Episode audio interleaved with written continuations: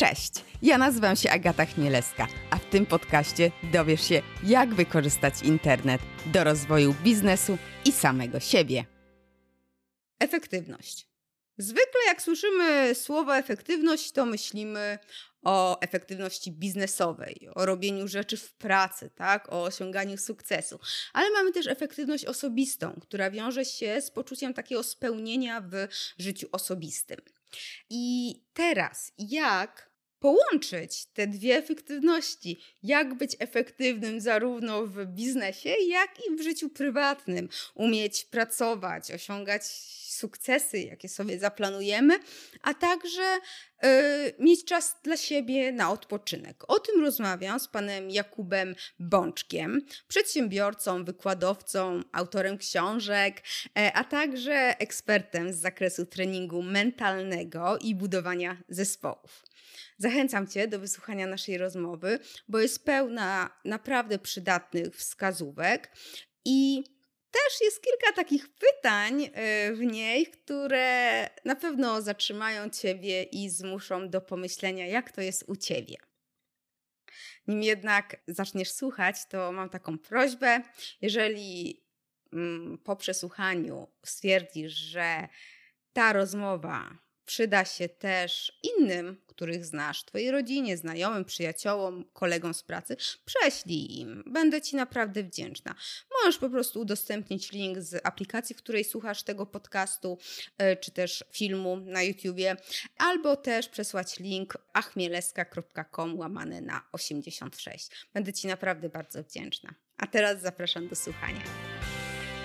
Dzień dobry. Co Dzień dobrego dobry. u Pana słychać? E, dwojakie mam odczucia. Jedne związane z teraźniejszością i tutaj jest całkiem przyjemnie, bo jestem w ładnym miejscu w Hiszpanii, ale drugie o. związane z przegranym ćwierćfinałem Igrzysk Olimpijskich Siatkarzy, gdzie mhm. jeszcze mi ten mecz niestety w głowie mocno pracuje i kiedy wracam sobie do tego przeszłego wspomnienia, to te moje odczucia są takie bardziej niepokojąco związane z żalem. E, więc tak, raz jestem tu i teraz, i, i to jest bardzo przyjemne odczucie, a raz głowa wraca do przeszłości. No tak, czasem ta przeszłość tak ciągnie nas y, do siebie i, i zwłaszcza te takie smutniejsze momenty y, i czasem trzeba taką walkę ze sobą prowadzić, żeby niestety, jednak... Niestety, tak. Ale jednak ta teraźniejszość wygrywa w tym momencie, bo kiedy spotykam się z panią, liczę na bardzo ciekawą rozmowę, wierzę, że będzie inspirująca dla naszych słuchaczy, no to jednak osadzam się mocno w tu i teraz i, i to już jest dużo bardziej przyjemne odczucie. Bardzo się cieszę, bardzo się cieszę. E, no dobrze, jak już mówimy o tej rozmowie, to mnie bardzo ciekawi E, pytanie odnośnie efektywności, dlatego że jedna z Pana książek e, nosi tytuł Efektywność osobista i biznesowa. I nie pytam, e, czy to, to da się połączyć, czy, czy też e, nie, no bo tutaj różnie na to można spojrzeć, ale proszę powiedzieć, czym jest tak naprawdę efektywność biznesowa w biznesie, efektywność osobista?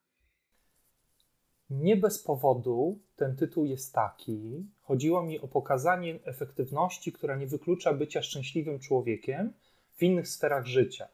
Dla mnie to było bardzo ważne, żeby jednocześnie mieć sukcesy zawodowe i radzić sobie z różnymi projektami, które są na mojej głowie, kiedy w tych projektach jestem liderem, ale też mieć dobre życie e, w relacjach, dobre życie w związku, mieć podróże, zadbać o sferę seksualną, zadbać o sferę zdrowotną, zadbać o taką sferę rozwoju intelektualnego, tak żeby się to nie wykluczało. Moje doświadczenia trenera mentalnego z osobami, które mają taki typowy rys pracocholiczny, wskazują na to, że kiedy oni mają efektywność związaną tylko z ich pracą, to wcale nie są zbyt szczęśliwymi ludźmi. I dla mnie było istotne, żeby być efektywnym w pracy, ale jednocześnie po pracy mieć dobre życie.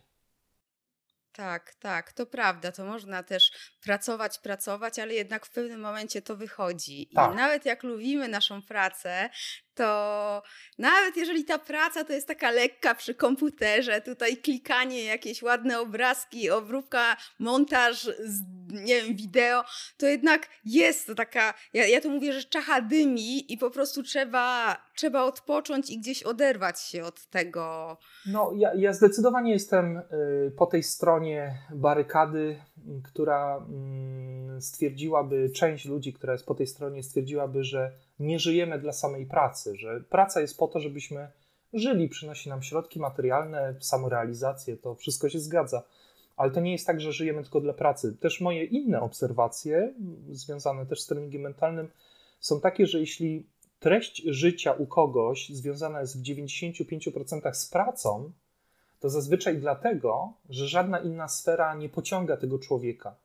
Czyli albo tam jest zrujnowany związek w tle, albo tam jest rodzicielstwo, którym się ten człowiek nie odnajduje, albo tam jest jakiś brak pasji. I, I w tym przypadku ta praca bywa ucieczką albo mechanizmem wyparcia, żeby nie spotkać się sam ze sobą w tych sferach, gdzie sobie nie radzę, trochę się tych sfer boję, trochę tych sfer nie rozumiem. Tak. E, często mam też takich prezesów na sesjach lub też biznesmenów, przedsiębiorców, właścicieli firm, krótko mówiąc, wysoki szczebel zarządzania, gdzie są to osoby, które mają dzieci, ale nie za bardzo potrafią sobie z tymi dziećmi dawać radę, bo w firmie, którą prowadzą, mają kontrolę, podejmują decyzje zero-jedynkowe i nikt im nie pyskuje. Przepraszam za kolokwializm, to wrzucam e, w cudzysłowie. Natomiast kiedy idą do domu, to najchętniej z tego lęku, że te dzieci no, nie podporządkowują się normom pana taty prezesa, otwierają laptopa i nadal odpisują na maile, bo to mają pod kontrolą. I ja nie o takiej efektywności piszę. Nie. Ja, ja piszę o takiej efektywności, gdzie jest miejsce i na dzieci, i na żonę, i na męża, i na dobry seks, i na podróże. Takiej efektywności pragnąłbym dla siebie i dla swoich czytelników. Okej, okay, a wspomniał Pan e, o treningu mentalnym, o tym też mówiliśmy przed e, rozpoczęciem nagrywania. Czym jest trening mentalny? Tak, chcę tutaj bardzo odczarować tą frazę i też profesjonalizować podejście do, do tego zawodu.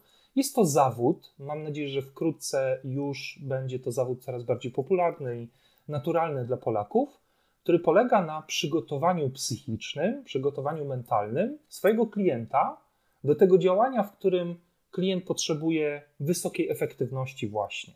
W moim przypadku często są to sportowcy, obecnie olimpijczycy w Tokio 2020 e, na igrzyskach, ale też wielokrotnie są to ludzie, którzy działają w biznesie i jako ich trener mentalny jestem kimś w rodzaju mm, pomocnika w ich wyzwaniach psychologicznych.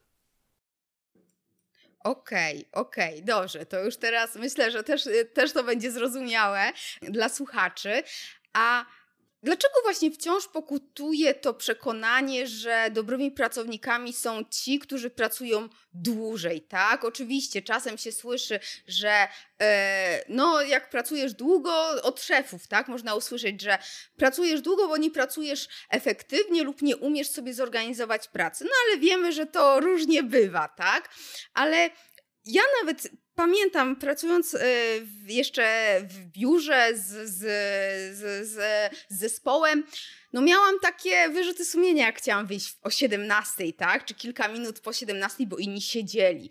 Albo też pamiętam, że e, fajny szef, bardzo fajny, ale on się zawsze ze mnie śmiał, że ty to Chmielewska, to ty o 17, to ty już w bramkach startowych stoisz, nie? Że pierwsza do wybiegu. Nie widział, że przychodzę pierwsza oczywiście do pracy, ale właśnie takie skąd to jest i czy to, to w ogóle się zmienia? Jak to w ogóle zmienić tak, jak budujemy swój zespół, żeby też właśnie, no bo to, to może iść od pracowników, ale też od góry, więc yy, jak to mm, zmienić w ogóle też? I, I skąd to w ogóle jest? Przede wszystkim myślę, że warto to zmienić. No, obawiam się, że tutaj pokutuje takie podejście jeszcze dwudziestowieczne, gdzie elektryczność nie była w każdym domu, gdzie bardzo było istotne, żeby fabryka wykonywała określoną ilość czynności w postaci czy to wyprodukowanych materialnych sztuk jakiegoś e, samochodu, czy nie wiem, czy, czy swetra, mm, czy to w przypadku jakichś usług, które były dla innej fabryki, czy dla innej korporacji, innej kompanii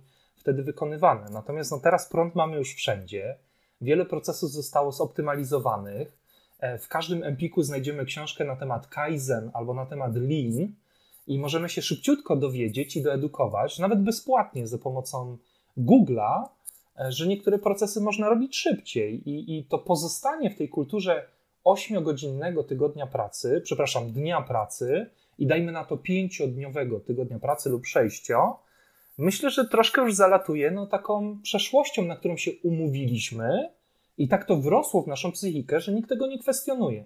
A nawet jeśli kwestionuje, to na takie osoby się patrzy jak kiedyś na Kopernika czy na Darwina. Jakieś takie dziwaczne podejście, panowie, macie. Jak to można by było pracownika wypuścić po 4 godzinach? Przecież to niemoralne. Otóż jest to moralne pod warunkiem, że ten pracownik wykonuje pracę, którą my mu faktycznie zlecamy. Tak jak gdybyśmy sobie dzisiaj pojechali zbierać truskawki na tak zwane saksy do jakiegoś niemieckiego, powiedzmy tam, ogrodnika, rolnika, tak. No to nie rozliczano by nas za to, że o 6 otwarliśmy oczy, o 18 się położymy na pierwszą drzemkę, tylko rozliczano by nas z kobiałki tych truskawek i za każdą by nam płacono na tak zwany akord. I wydaje mi się, tak. że coraz więcej współczesnych zawodów i prac można spokojnie rozliczać na akord. Czyli wykonałem swoje zadanie, drogi szefie, droga szefowo, jestem wolny.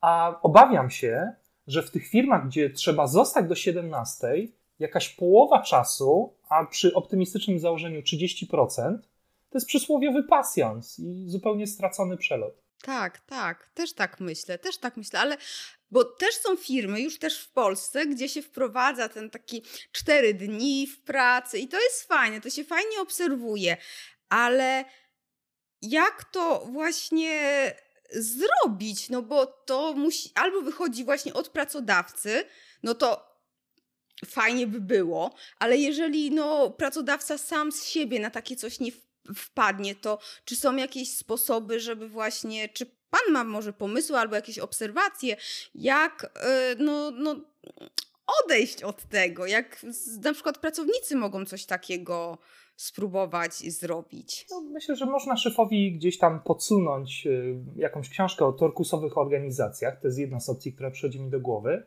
Ale druga opcja jest taka, żeby porozmawiać asertywnie i konstruktywnie o tym czasie, który mam nadzieję już mija, kiedy w trakcie COVID-u no, pracowaliśmy wyłącznie w domu, bo po prostu świat w dużym uproszczeniu był zamknięty. Tak. Mam nadzieję, że ten czas już mija, ale mm, bez względu na to, czy on mija, czy nie, tak faktycznie było, że w wielu firmach się do pracy nie przychodziło.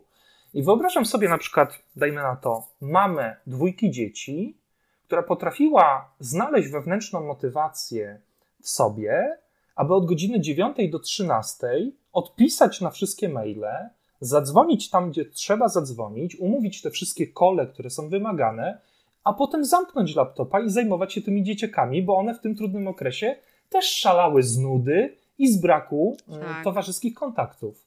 I być może taka rozmowa asertywna, szefie, chcę ci powiedzieć, że w trakcie COVID-u, w trakcie tego, kiedy pracowałam, w tym naszym przypadku w domu, radziłam sobie świetnie, ale udawało mi się to robić z taką podwójną motywacją, E, bo wiedziałam, że nie muszę do 17 przed kimkolwiek tutaj udawać w naszej organizacji, że ja jestem jeszcze przyspawana do komputera. Tak.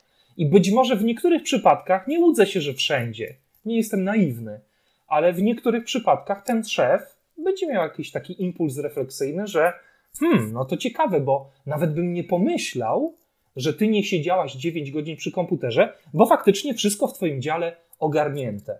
Być może taka rozmowa tak. będzie początkiem jakiejś szerszej refleksji.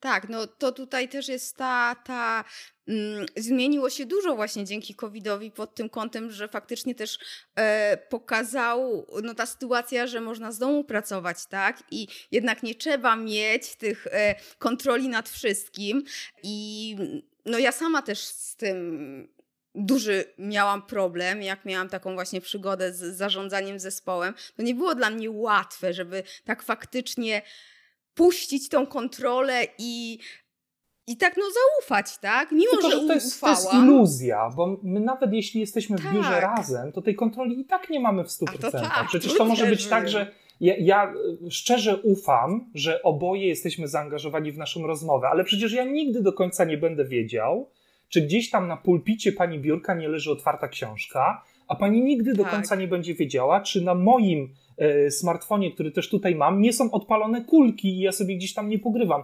Więc ta kontrola i tak jest iluzją. To jest pierwsza, tak. to jest pierwsza sprawa. A druga sprawa jest taka, że ja myślę sobie, że jeśli nie mamy takiego deadline'u, że na przykład tam do godziny 17 czy 18 musimy wyjść, to dla osób introwertycznych dużo łatwiejszym byłoby wykonać swoje zadania, kiedy nikt tam w open space nad nimi nie goni. Bo okej, okay, ekstrawertyk tak. może słyszeć 15 innych osób z call center, które sobie tam rozmawiają, i on sobie poradzi prawdopodobnie ze swoim mailem intelektualnie na wysokim poziomie, bo on potrafi reagować na bodźce tego typu, na bodźce społeczne. Natomiast introwertyk w tak zwanym open space, czy w tej korporacji, gdzie ciągle jakiś dźwięk jednak panuje e, w naszym tak. umyśle, e, a my musimy zrobić swoje zadania, wydaje mi się, że będzie dużo bardziej efektywny w domu, gdzie jest po prostu cisza.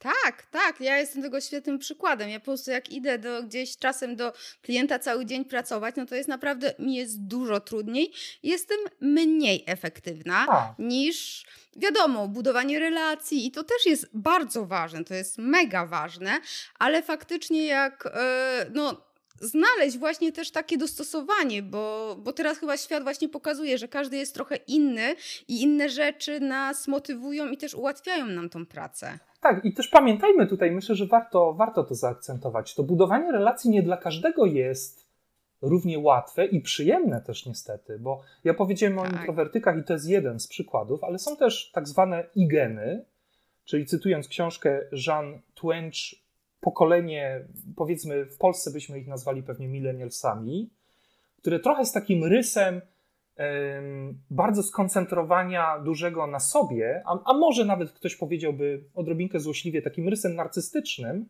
niekoniecznie idą do organizacji po to, żeby tam wszystkich poznać, wiedzieć, jak dzieci mają na imiona i wzajemnie chodzić na urodziny. Tak. To pokolenie jest po prostu trochę inne. Ja nie oceniam, czy to złe, czy dobre. No jest inne. taki jest fakt. I nie wiem, czy dla nich jest istotne to, żeby codziennie mieć small talk, zanim oni odpalą na przykład swoją pracę pod tytułem IT, chcę wykonać jakąś stronę tak. internetową. Nawet gdzieś tam niedawno takiego mema wychwyciłem w social mediach, że nie po to studiowałem 5 lat IT, żeby teraz męczyć się z ludźmi. No i, i myślę, że to pokolenie Igen, oni coraz częściej będą mieli takie podejście, że im nie służy open space.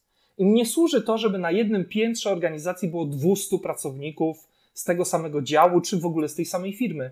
Wbrew pozorom, Troszkę to już jest przestarzały model, kiedy my ich wszystkich chcemy od 8 do 17 w jednym budynku. Ja, ja nie wiem, czy to za 10 lat, 20 lat będzie miało szansę działać. Obawiam się, że, że nie. Że jesteśmy już gdzie indziej jako Homo sapiens. Tak, ja, ja myślę, że to nawet może szybciej. Mam taką w sumie trochę nadzieję, bo jednak open space to już w ogóle ja nic nie mówię. Ja, to już dla mnie jest zupełnie niewyobrażalne.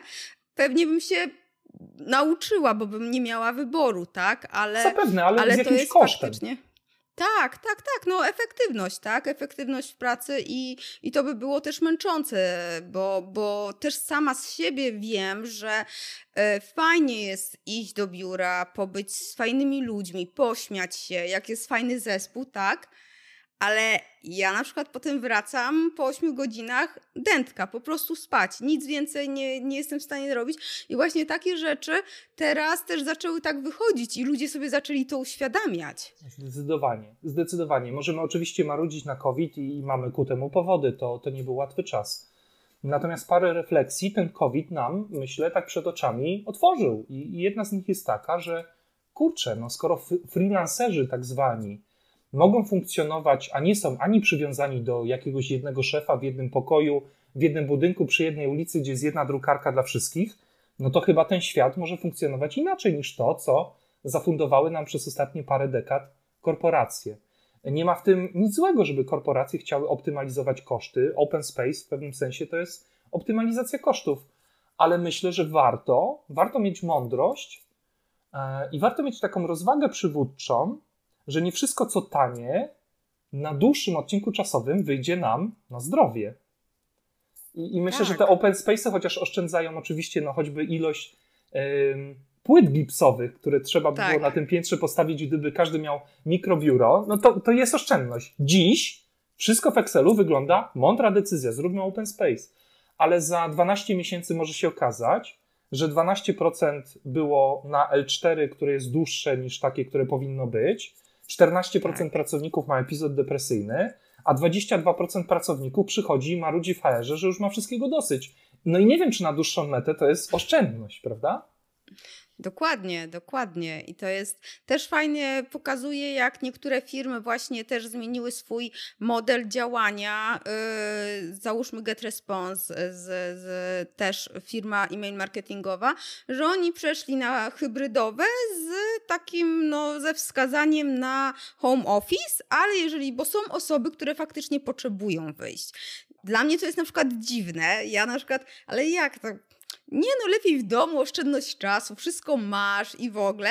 A z, mam wiele osób, które po prostu no, chodziły do biura w tym covidzie, mimo że tam było wskazanie, żeby nie chodzić. Siedziały tam w trzy osoby na całe duże biuro, ale potrzebowały wyjść, więc to też pokazuje, że kolejna rzecz, nie? Że, jesteśmy różni, prawda? Tak, tak. jesteśmy różni. Myślę, że demokracja liberalna wspiera taką emancypację swoich własnych potrzeb, nawet taki troszkę egocentryzm. No i ja potrafię sobie wyobrazić, że jeśli jedno dziecko jest w wieku szkoły podstawowej i potrzebuje komputer i robią tam jakieś literki, drugie dziecko jest w wieku szkoły średniej i uczy się hiszpańskiego i też ma otwarty komputer, mąż czy żona gdzieś tam y, głośno przez telefon rozmawiają i chodzą po mieszkaniu, bo są tą rozmową zdenerwowani, no to jasne, że tak. To ja też bym uciekał. Y, I jeśli nie mogę sobie pozwolić na taki luksus, że mam swój gabinet, ładny widok, wyciszenie, swoją kawkę z własnego ekspresu, a przecież nie każdy może sobie na taki luksus pozwolić. To tak, tak. To, to myślę, że też powinna być opcja dla tych, którym dobrze służy, czy to open space, czy po prostu wyjście do pracy z domu. Przecież też zjawiskiem wcale nie nowym jest to, że wielu młodych ludzi, y, wielu młodych ludzi wychodzi na kawę do jednej ze znanych kawiarni, nie będę tu robił product placement, o godzinie 8, a wraca do domu o 16. No i można by zapytać, jak to do cholery, przez 7 godzin piłaś kawę? No nie, ona sobie tam zamawiała kawę co 3 godziny, żeby kelnerka ją nie wygoniła, ale tak naprawdę ona siedziała na Facebooku i robiła jakąś kampanię dla swojego klienta, bo jest freelancerką, więc potrzeby mamy przeróżne tak. i myślę, że taka firma nowoczesna będzie się troszczyć o to, że różni pracownicy w różnych okresach czasu mają różne priorytety i różne potrzeby, żeby być efektywnym. Tak, tak, tak. I y, też tutaj y, dużo jest po stronie pracowników, tak? Jak też pokazują, jak pracują i czy te rzeczy się robią, bo też właśnie no, nawiązuję do tego covid no bo to jest takie najbardziej namacalne tak. i taki dosadny przykład na wszystko wpłynął, a zwłaszcza na pracę, y, że dużo też jest takiej potrzeby dyscypliny, determinacji i mm, ja często słyszę, że ludzie mi tego zazdroszczą, że ja taka jestem zdyscyplinowana, z kalendarzem, zaplanowana i w ogóle wszystko mam poukładane. Być może lepiej to jest niż u innych. Ja to tak mówię, no jest ta dyscyplina, ale no do ideału mi jest daleko. Ale czy tego da się nauczyć, że faktycznie, że tak jak yy, no zwykle taki chaos panuje tak, w naszej pracy, tutaj raz na maila odpowiem, raz nie, ludzie no po prostu nie korzystają z żadnych narzędzi, wszystko mają w głowie, yy, co też jest dla mnie trudne do zrozumienia, ale no po prostu nie mają jakiejś takiej dyscypliny i takiej samokontroli, że jak faktycznie ktoś nie powie zrób to, to albo nie wskaże palcem, to ja tego nie zrobię. E, I też potrzebują jakiejś takiej motywacji, bata zewnętrznego. Tak. Czy taką dyscyplinę w sobie można się nauczyć?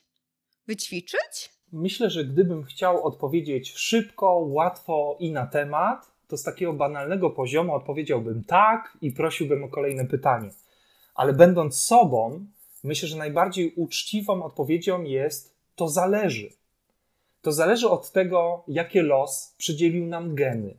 To zależy od tego, w jakiej kulturze się urodziliśmy. Równie dobrze, czy pani, czy ja mogliśmy się urodzić w Afganistanie albo w Mumbai. Urodziliśmy się akurat tutaj, w tym kraju. To zależy, jakie mamy zasoby intelektualne, zależy, jakie mamy zasoby pamięciowe, zależy, jakie mamy kompetencje poznawcze.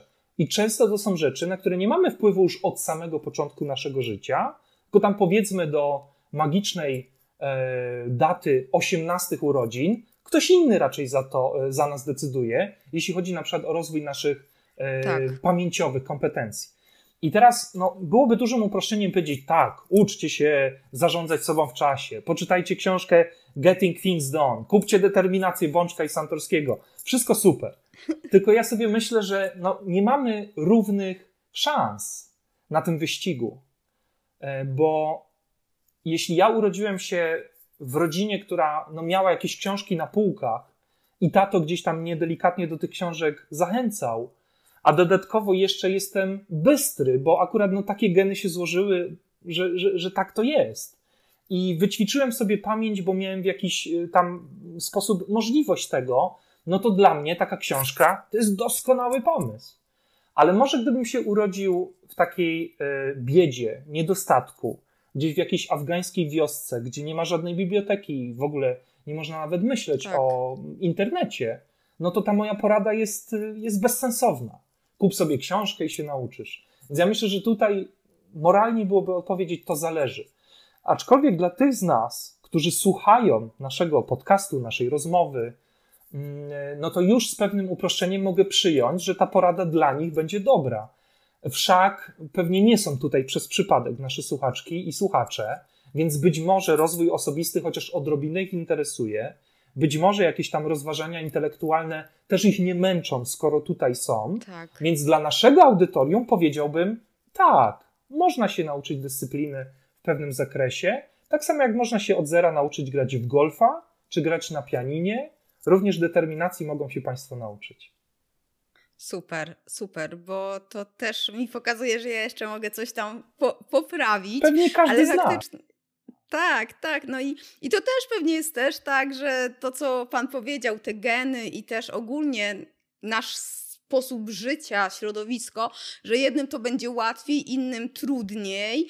Yy, I tak samo tak. narzędzia. Ja teraz widzę, że tak jak byłam taka poukładana, że co tydzień sobie robiłam przegląd tygodnia zadań, jak korzystałam z jednego narzędzia, przerzuciłam się na inne i wszystko się rozsypało, bo no to tak. jest coś nowego no tak. i nie mogę jakoś tak się przestawić do tego narzędzia i nie wiem, czy do poprzedniego nie wrócę, tak? Pewnie. Więc to też jest y, też róż... Byle pani było dobrze, byleby pani czuła, że ma taką kontrolę, jakiej, jakiej sama potrzebuje do pracy, byleby pani się spełniała, no.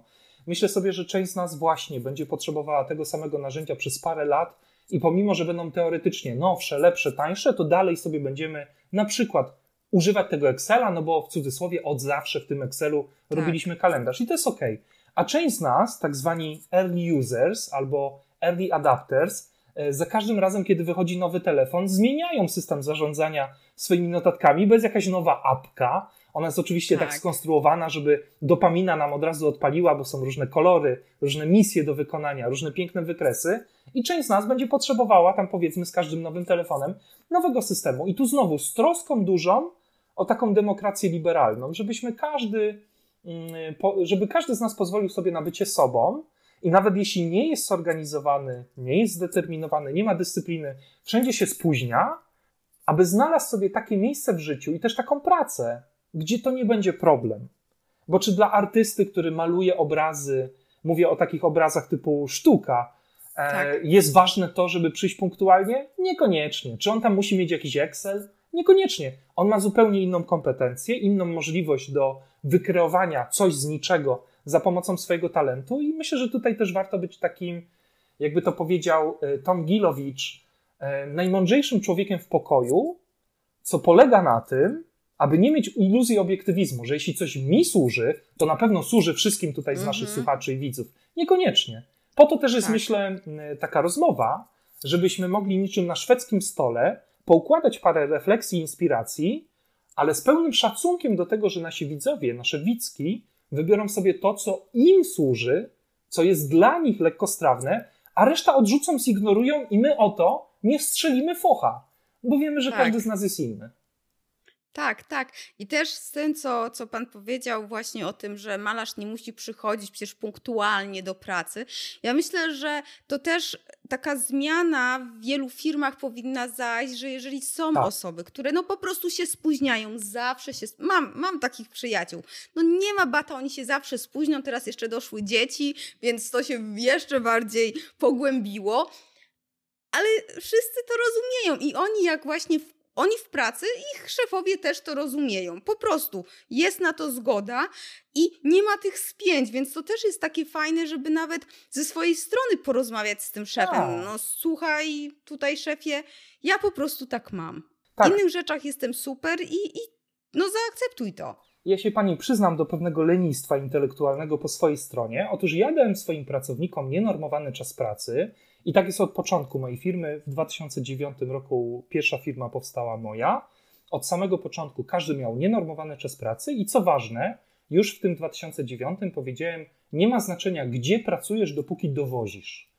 Mhm. I oni faktycznie już teraz od 12 lat, część z nich jest y, od pierwszego dnia firmy do teraz ze mną, y, nie patrzą na to, czy tam jest poniedziałek 12, czy piątek 14, czy są w Alicante, tak jak ja teraz, czy są w Warszawie. Oni patrzą na to, żeby wykonane było zadanie. Dlaczego mówię, że to jest moje lenistwo? Bo dzięki temu ja nie muszę robić tego rozróżnienia.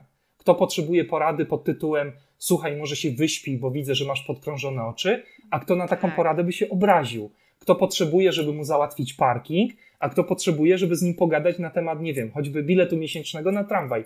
Wszystko to mam odpuszczone i odhaczone, bo moi pracownicy są rozliczani z efektów. I często też powtarzam im taki cytat, na początku go nie cierpieli, teraz myślę już tak się uwewnętrznił, w naszej firmie jest zinternalizowany. Nie mów mi, ile pracujesz, pokaż mi efekty. Czyli do mnie nie trafiało, jak przychodziła jakaś na przykład moja pracowniczka albo pracownik i mówili: Kuba, siedziałem nad tym raportem 12 godzin. Ja mówiłem: Poczekaj, poczekaj, nie mów mi, ile pracujesz, pokaż mi efekty. Jak widzę, że raport jest solidnie zrobiony, to równie dobrze mogłaś to przygotować w 15 minut, też jestem zadowolony. Natomiast jeśli to są jakieś takie po prostu natłuczone strony, żeby zrobić efekt, że to jest obszerne, a w środku żadnej treści albo same banały, to bez względu na to, czy pracowałeś 40 czy 80 godzin, ja ten raport ci zwracam z konkretnym feedbackiem, że to jest nie do przyjęcia.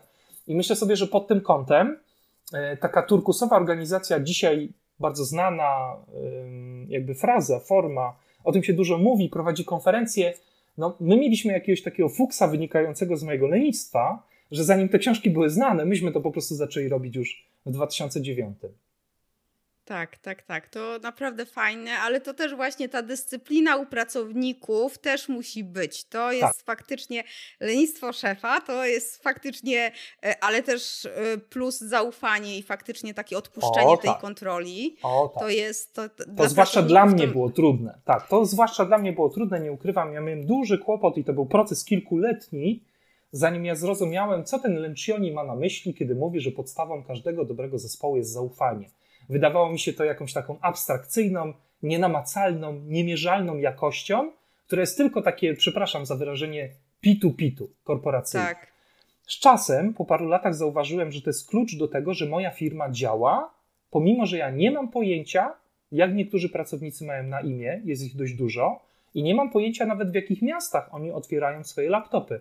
Ale ta firma działa, bo struktura jest tak stworzona, żeby zawsze mieli jakiegoś klienta wewnątrz naszej organizacji Tak. i jemu musieli pokazać swój efekt, żebyśmy poszli dalej. I to działa, pomimo że tej kontroli u nas nie ma dużo, zawsze jakoś tak się dzieje, że te projekty dowozimy. Może nie zawsze, przesadziłem, ale jednak najczęściej te projekty dowozimy.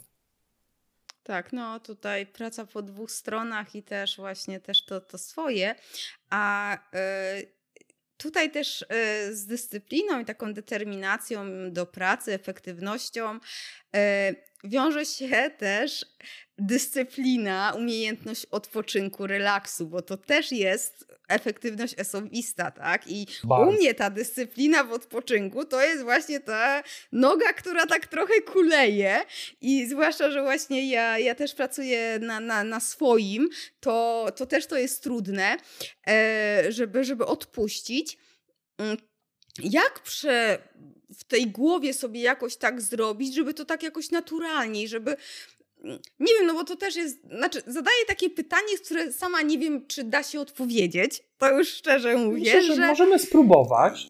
jak przeformatować to? Chociaż tak, faktycznie znowu warto by było zacząć od to zależy, bo jesteśmy bardzo różni, ale gdybym chciał parę rzeczy tutaj uprościć, wyklaryfikować, dać coś, co mogłoby potencjalnie być Mhm. przydatne osobom, które nas teraz słyszą lub widzą, to myślę, że warto czerpać z doświadczeń świata sportu, gdzie zazwyczaj, kiedy rozpisuje się tak zwane mikrocykle, czyli na przykład zespół przygotowuje się do Igrzysk Olimpijskich kolejnych i przez jakiś okres musi wykonać e, konkretną ilość jednostek treningowych, to uwaga, wpisuje się w ten mikrocykl również jednostki regeneracji.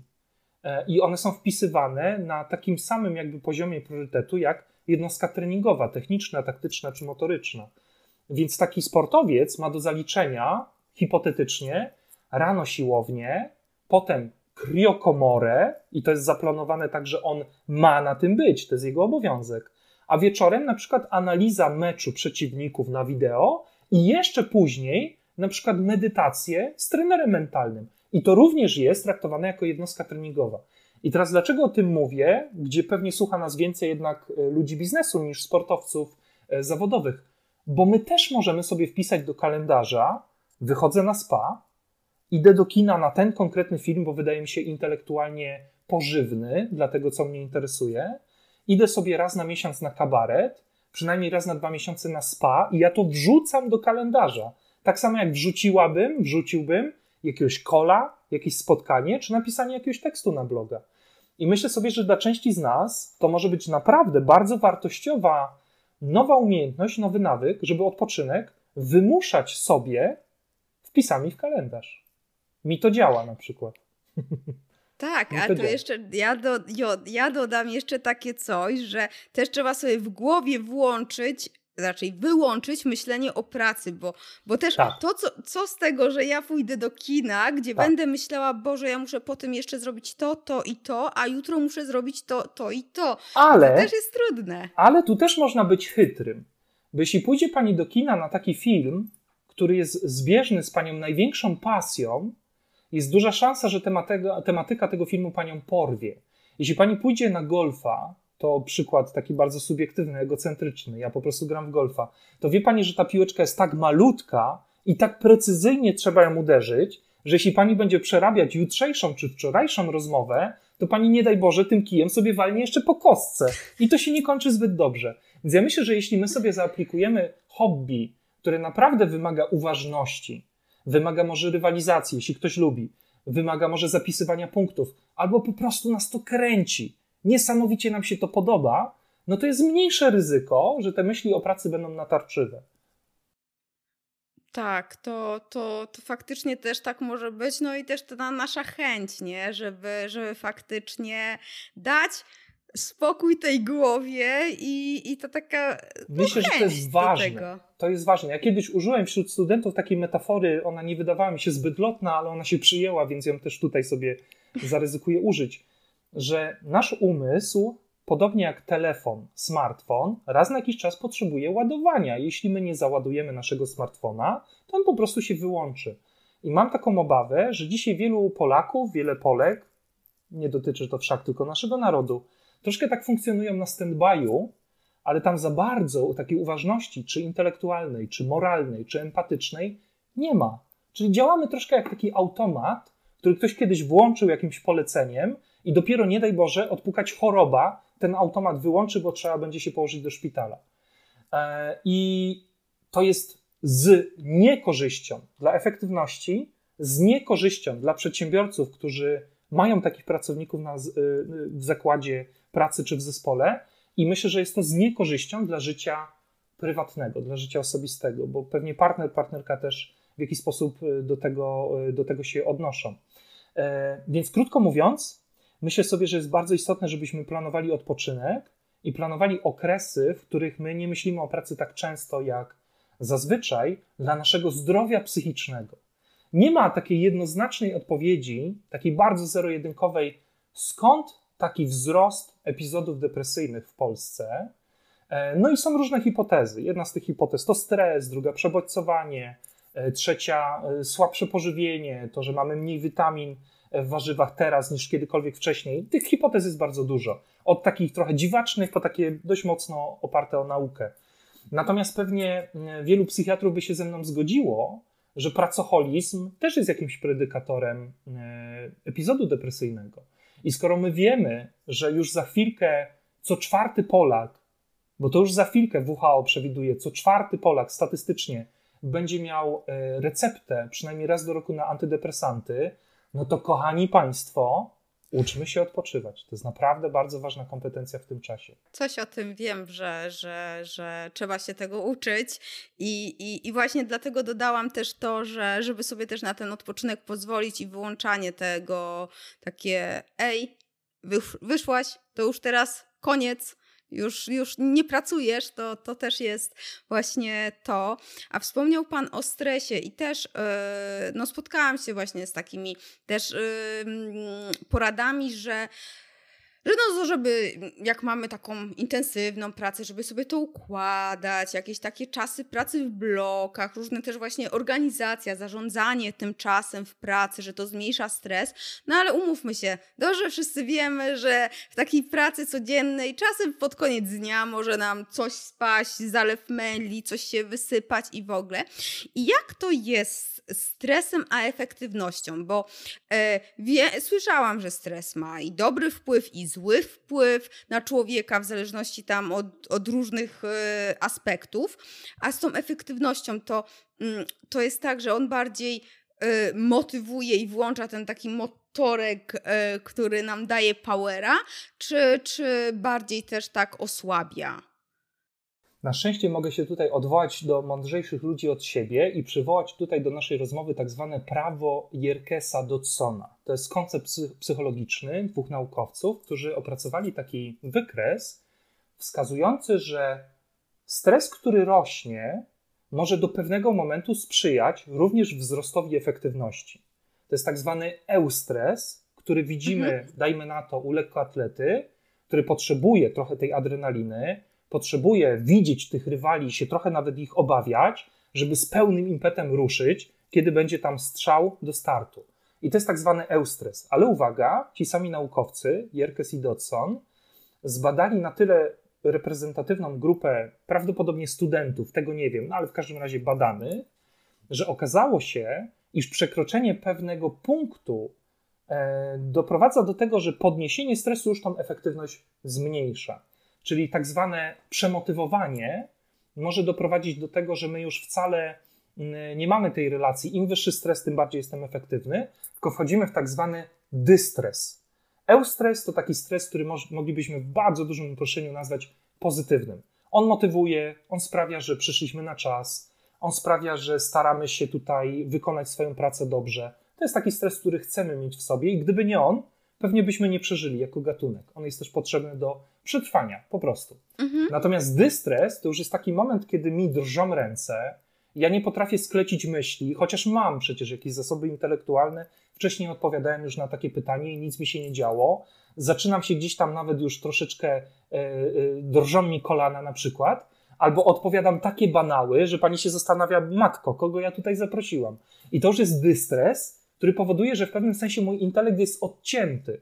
To jest znowu metafora tylko, ale w tak, pewnym tak. sensie, jak jest za dużo adrenaliny, my o 30% obniżamy swoje IQ. I to jest tak, że czasami jak ktoś się zachowa bardzo dziwacznie w firmie, to niekoniecznie, chociaż tak się w plotkach potem pewnie o tej osobie mówi, to jest jakaś idiotka albo jakiś idiota, tylko czasami ta osoba była w tak dużym stresie, że zachowała się tak, jakby się nigdy nie zachowywała, nie, nie zachowała, gdyby miała dostęp do swojego intelektu. No i w tym przypadku myślę, że ten stres to już jest coś w rodzaju choroby.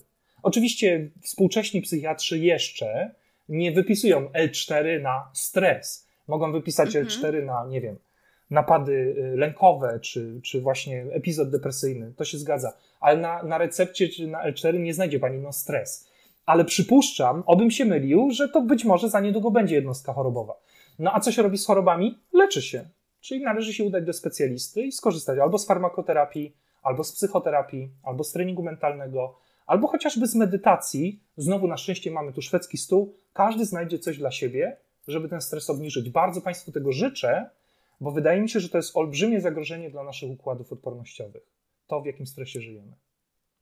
Tak, i to, i to też właśnie stres albo z życia, albo z pracy wpływa na tą drugą działkę e, naszego życia, no nie? Że tak to tak nie da się oddzielić.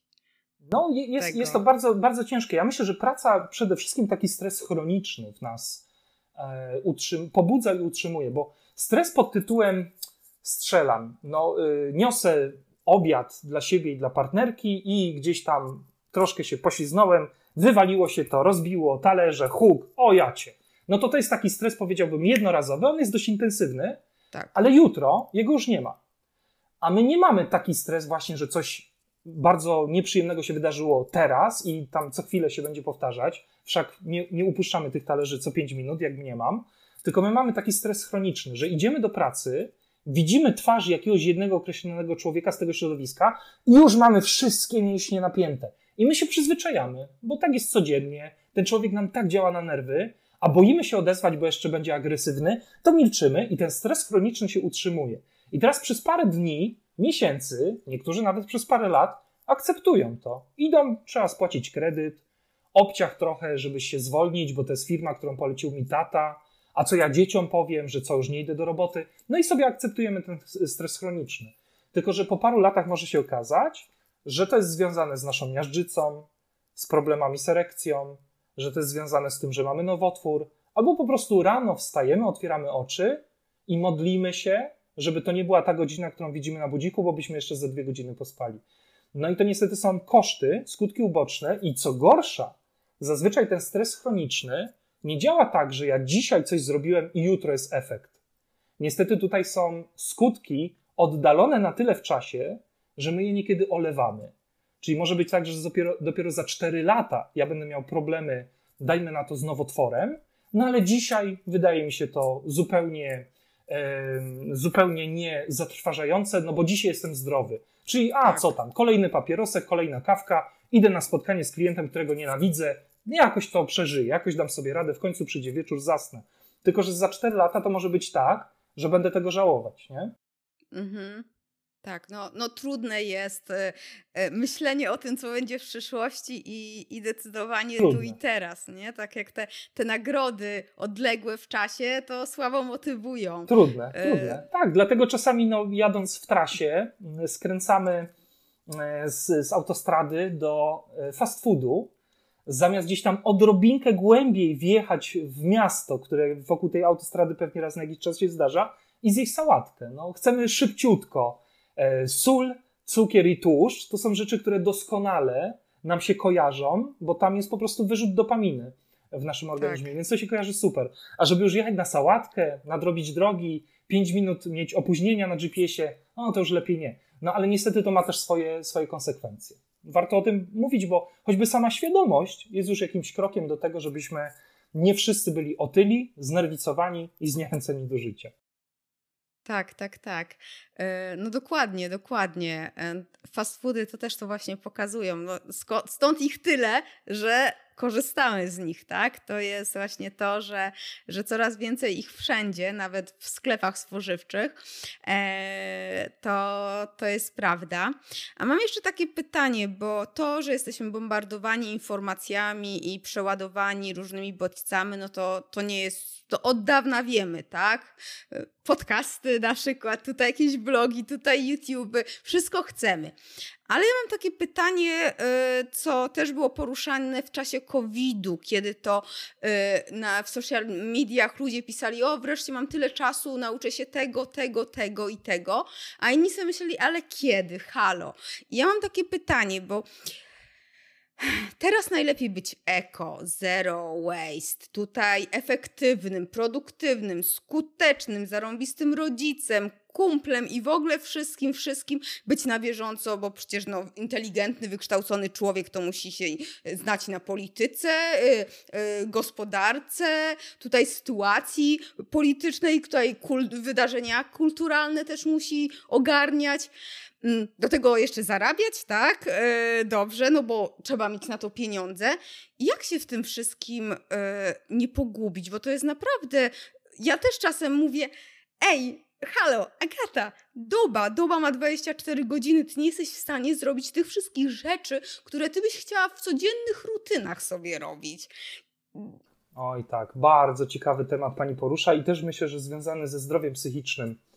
E, iluzja lepszego świata. Kiedy sobie przeglądamy jakiś Instagram albo właśnie słuchamy jakiegoś podcastu, bardzo często nam się wydaje, że ci ludzie, których słuchamy czy obserwujemy, to są ogarnięci, tam te dzieci szczęśliwe, rumiane, zawsze czyściutkie. Ten pies jakiś taki wyczesany, a te wakacje to w ogóle najlepsze. No tylko, że to jest iluzja. My zazwyczaj pokazujemy na zewnątrz to, co w naszym życiu się najbardziej udało. To, co się nie udaje, albo co jest neutralne, zwyczajne, taką prozę życia ukrywamy już tylko dla siebie. Tego nie pokazujemy na Instagramie, przynajmniej większość z nas. Tak. I to prowadzi do takiego ciągłego napięcia, że ja nie jestem good enough. Ja nie jestem wystarczająco dobra. Ja nie jestem taka zgrabna jak ta modelka. Ja nie jestem taki wyrzeźbiony jak ten fitness trener. I ta taka mm, filozofia braku, o której też bardzo ciekawie mówi Barry Schwartz na jednym z wykładów TEDowskich, powoduje do tego, że powoduje, że my ciągle jesteśmy w takim niedosycie, a po tym niedosytem jest niepokój. I teraz ten ciągły niepokój no, musi mieć skutki zdrowotne. Więc co ja bym doradził, żeby już przestać narzekać, a teraz bardziej iść w stronę rozwiązań? Prawo do porażki to na pewno jest coś, co warto sobie przemyśleć. Ja mam prawo być dzisiaj słabszą mamą, mam prawo dzisiaj nie dowieść, bo mam dzisiaj trudny dzień, mam, słabo wsta- mam prawo wstać trochę później, bo po prostu nie czuję się wcale teraz zmotywowany i musiałbym udawać sam przed sobą, mm, ale też mm, taką pracę ze sobą, żeby mieć samoświadomość i swoich zalet i wad. My, my, często tego unikamy, bo mamy jakieś 15 minut, gdzie moglibyśmy się tym zająć, no ale tutaj już Facebook idzie, tutaj już jakieś tam plotki, tutaj WP czy Onet, no i niestety nam przepada ten kwadrans, chociaż przecież czasu mamy dokładnie tyle samo tak. wszyscy. Tu akurat jest bardzo egalitarnie. Natomiast do czego zmierzam? Jeśli ja sobie uświadomię, że moja zaleta jest taka, taka, taka, świetnie by było wykonywać zawód, pracę zarobkową, gdzie ja mogę po prostu z łatwością coś robić, no bo właśnie mam te kompetencje. Ale uwaga, jeśli sobie uświadomię, że jestem niecierpliwy, bywam zazdrosny, raczej kiepsko mi wychodzą rutynowe czynności. I robię sobie też jakąś listę, uświadamiam to sobie, to myślę, że jest mniejsza szansa, że ja będę czuł ten niepokój. Bo niektórych tematów się po prostu nie podejmę, a nawet jeśli się podejmę i będę tam słabiej performował niż ktoś inny, to sobie powiem, okej, okay, no ale to akurat nie jest moc, moja mocna strona. Wie pani, ja też chciałbym wygrać konkurs Chopinowski, chciałbym dostać złoty medal w tenisie na kolejnych igrzyskach, chciałbym napisać taką książkę jak powiedzmy Goethe i chciałbym jeszcze w dodatku wyglądać tak jak Kuczaj. Wszystko się zgadza.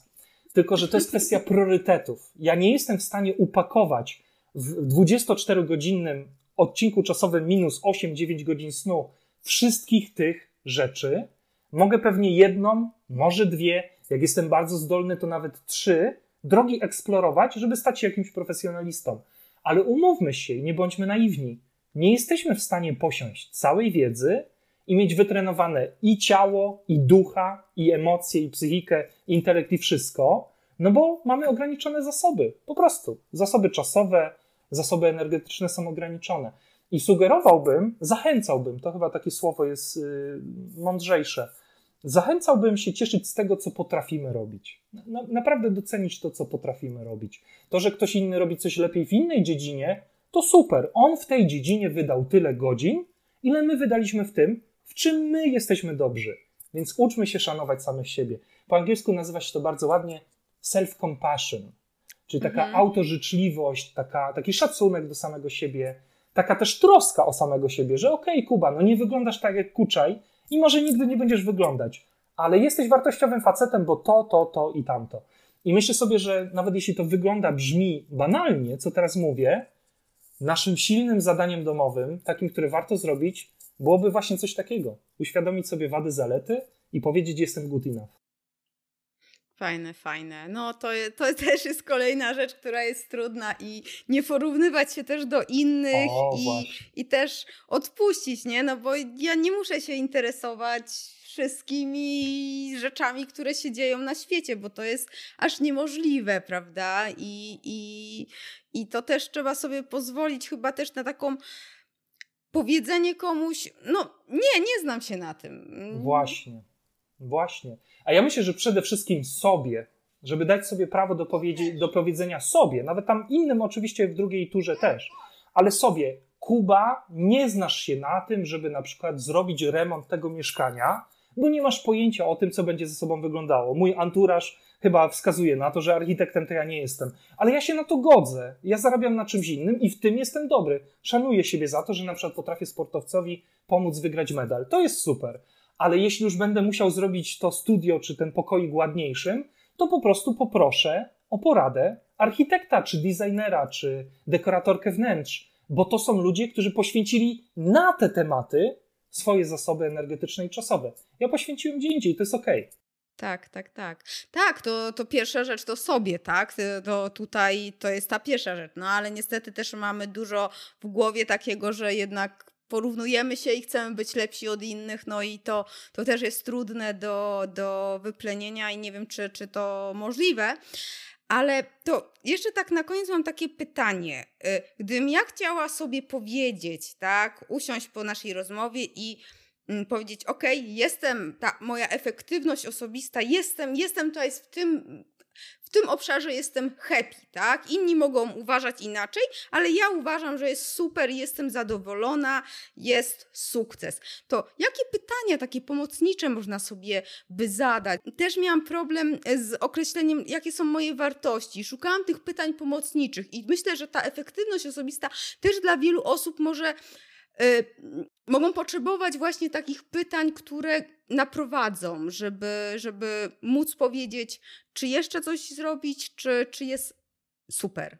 Przychodzą mi do głowy takie pytania, które wydają mi się dość, dość roztropne. Pierwsze z nich, za co cenią cię znajomi? Także ci to wręcz werbalizują, czyli mówią na przykład, Agata, ty to jesteś świetnie zorganizowana. Jeśli to już się powtórzyło trzeci, piąty, siódmy raz, warto to wziąć pod uwagę. Przecież nie mówią tego dlatego, że ktoś im za to płaci. Mówią, bo tak czują. Drugie pytanie, co uważasz za swoją mocną stronę? To, to myślę, że każdy z nas przynajmniej jedną rzecz, e, jeśli pozbędzie się jakiejś fałszywej skromności, tutaj wymieni. Trzecia sprawa, warto sobie zadać pytanie, jaką mam osobowość, czyli najprostsze, czy jestem bardziej introwertyczny, czy ekstrawertyczny. Jest jeszcze pomiędzy ambiwertyk, ale to już nie komplikujmy. Drugie pytanie, jaki mam temperament, czyli czy bardziej jestem choleryczny, czy bardziej jestem taki sangwiniczny, czy flegmatyczny, melancholijny. Warto też sobie zadać takie pytanie: po co?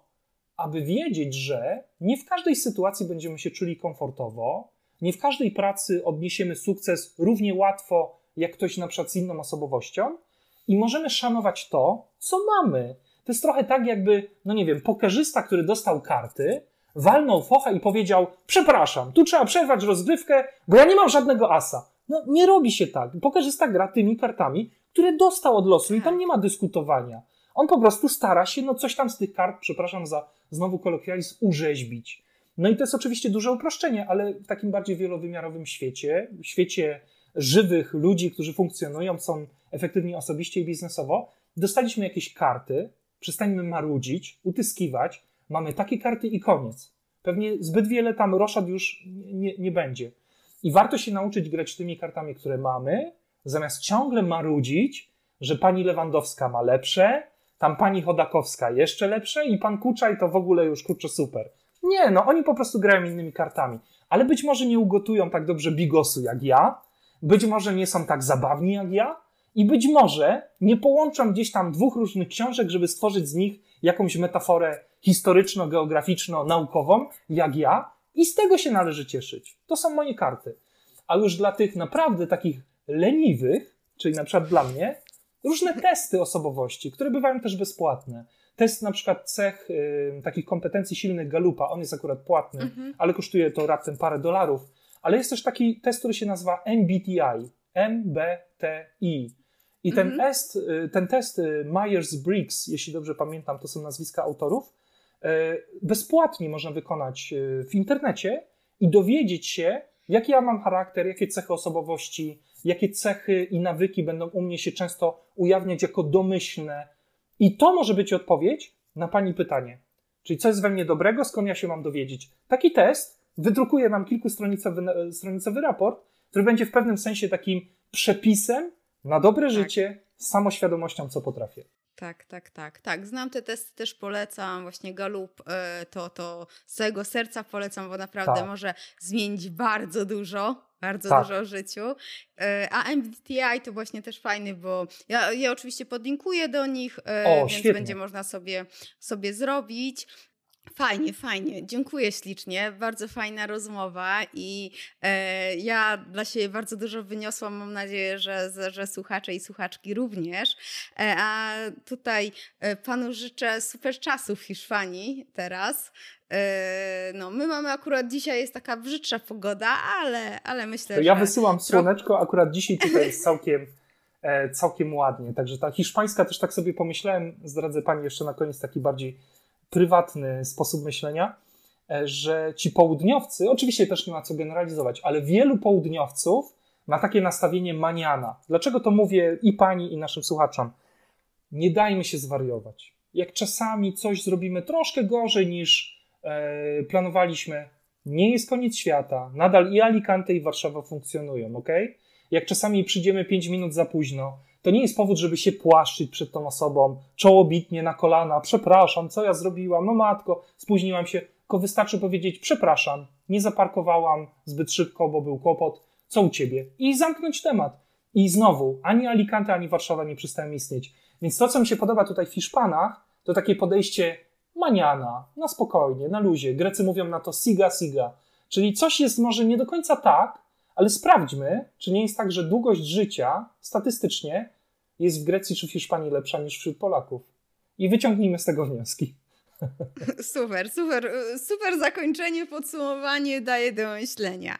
Ślicznie dziękuję. Ja podlinkuję do, do Pana strony i, e, i do książek. I, I jeszcze raz dziękuję za rozmowę i życzę wszystkiego dobrego. Bardzo jest mi miło. Wszystkiego dobrego. Wysyłam słoneczko. Dzięki wielkie. Papa. Pa. Dzięki, dzięki. No i właśnie, co z tą moją efektywnością osobistą? Chyba muszę odrobić pracę domową, bo jeśli chodzi o efektywność zawodową, ja myślę, że tutaj u mnie jest całkiem dobrze. No niestety ten typ tak ma, ten typ, czyli ja, e, że tutaj chyba nigdy nie będę w 100% zadowolona, ale jest wystarczająco dobrze.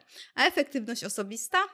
No właśnie, zachęcam Cię do zrobienia testu Galupa. Jeżeli jeszcze go nie robiłeś, nie znasz, to, to jest naprawdę mm, coś, co bardzo odmieniło moje życie. Odmieniło. Nie samo zrobienie oczywiście i tam zrobienie przelewu za, za, za ten test. On nie kilka, ale tam kilkanaście dolarów chyba kosztuje ale odmienił po prostu, poznałam siebie, lepiej siebie zrozumiałam i też więcej no, cech doceniłam.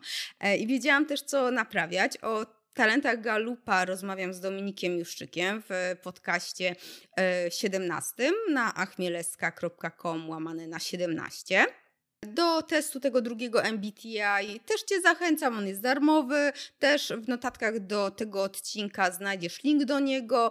Notatki będą na achmieleska.com łamane na 86, jak numer tego, yy, tego podcastu.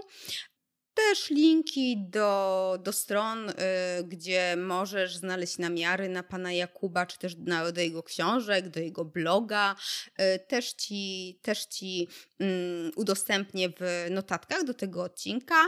Y, jeszcze raz ogromna prośba, abyś, y, jeżeli będziesz tutaj uważał, że y, że warto, żeby inni posłuchali tego e, podcastu, no to fajnie, jak udostępnisz link do niego w mediach społecznościowych lub po prostu wyślesz nawet jednej osobie. Ja Ci będę bardzo wdzięczna, Pan Jakub, także, bo, bo to jest tak, że coś się robi, żeby do ludzi to dotarło i żeby mogli z tego korzystać. I, a dzięki Tobie będą mogli, więc, yy, więc fajnie, jeżeli będziemy mogli na to liczyć.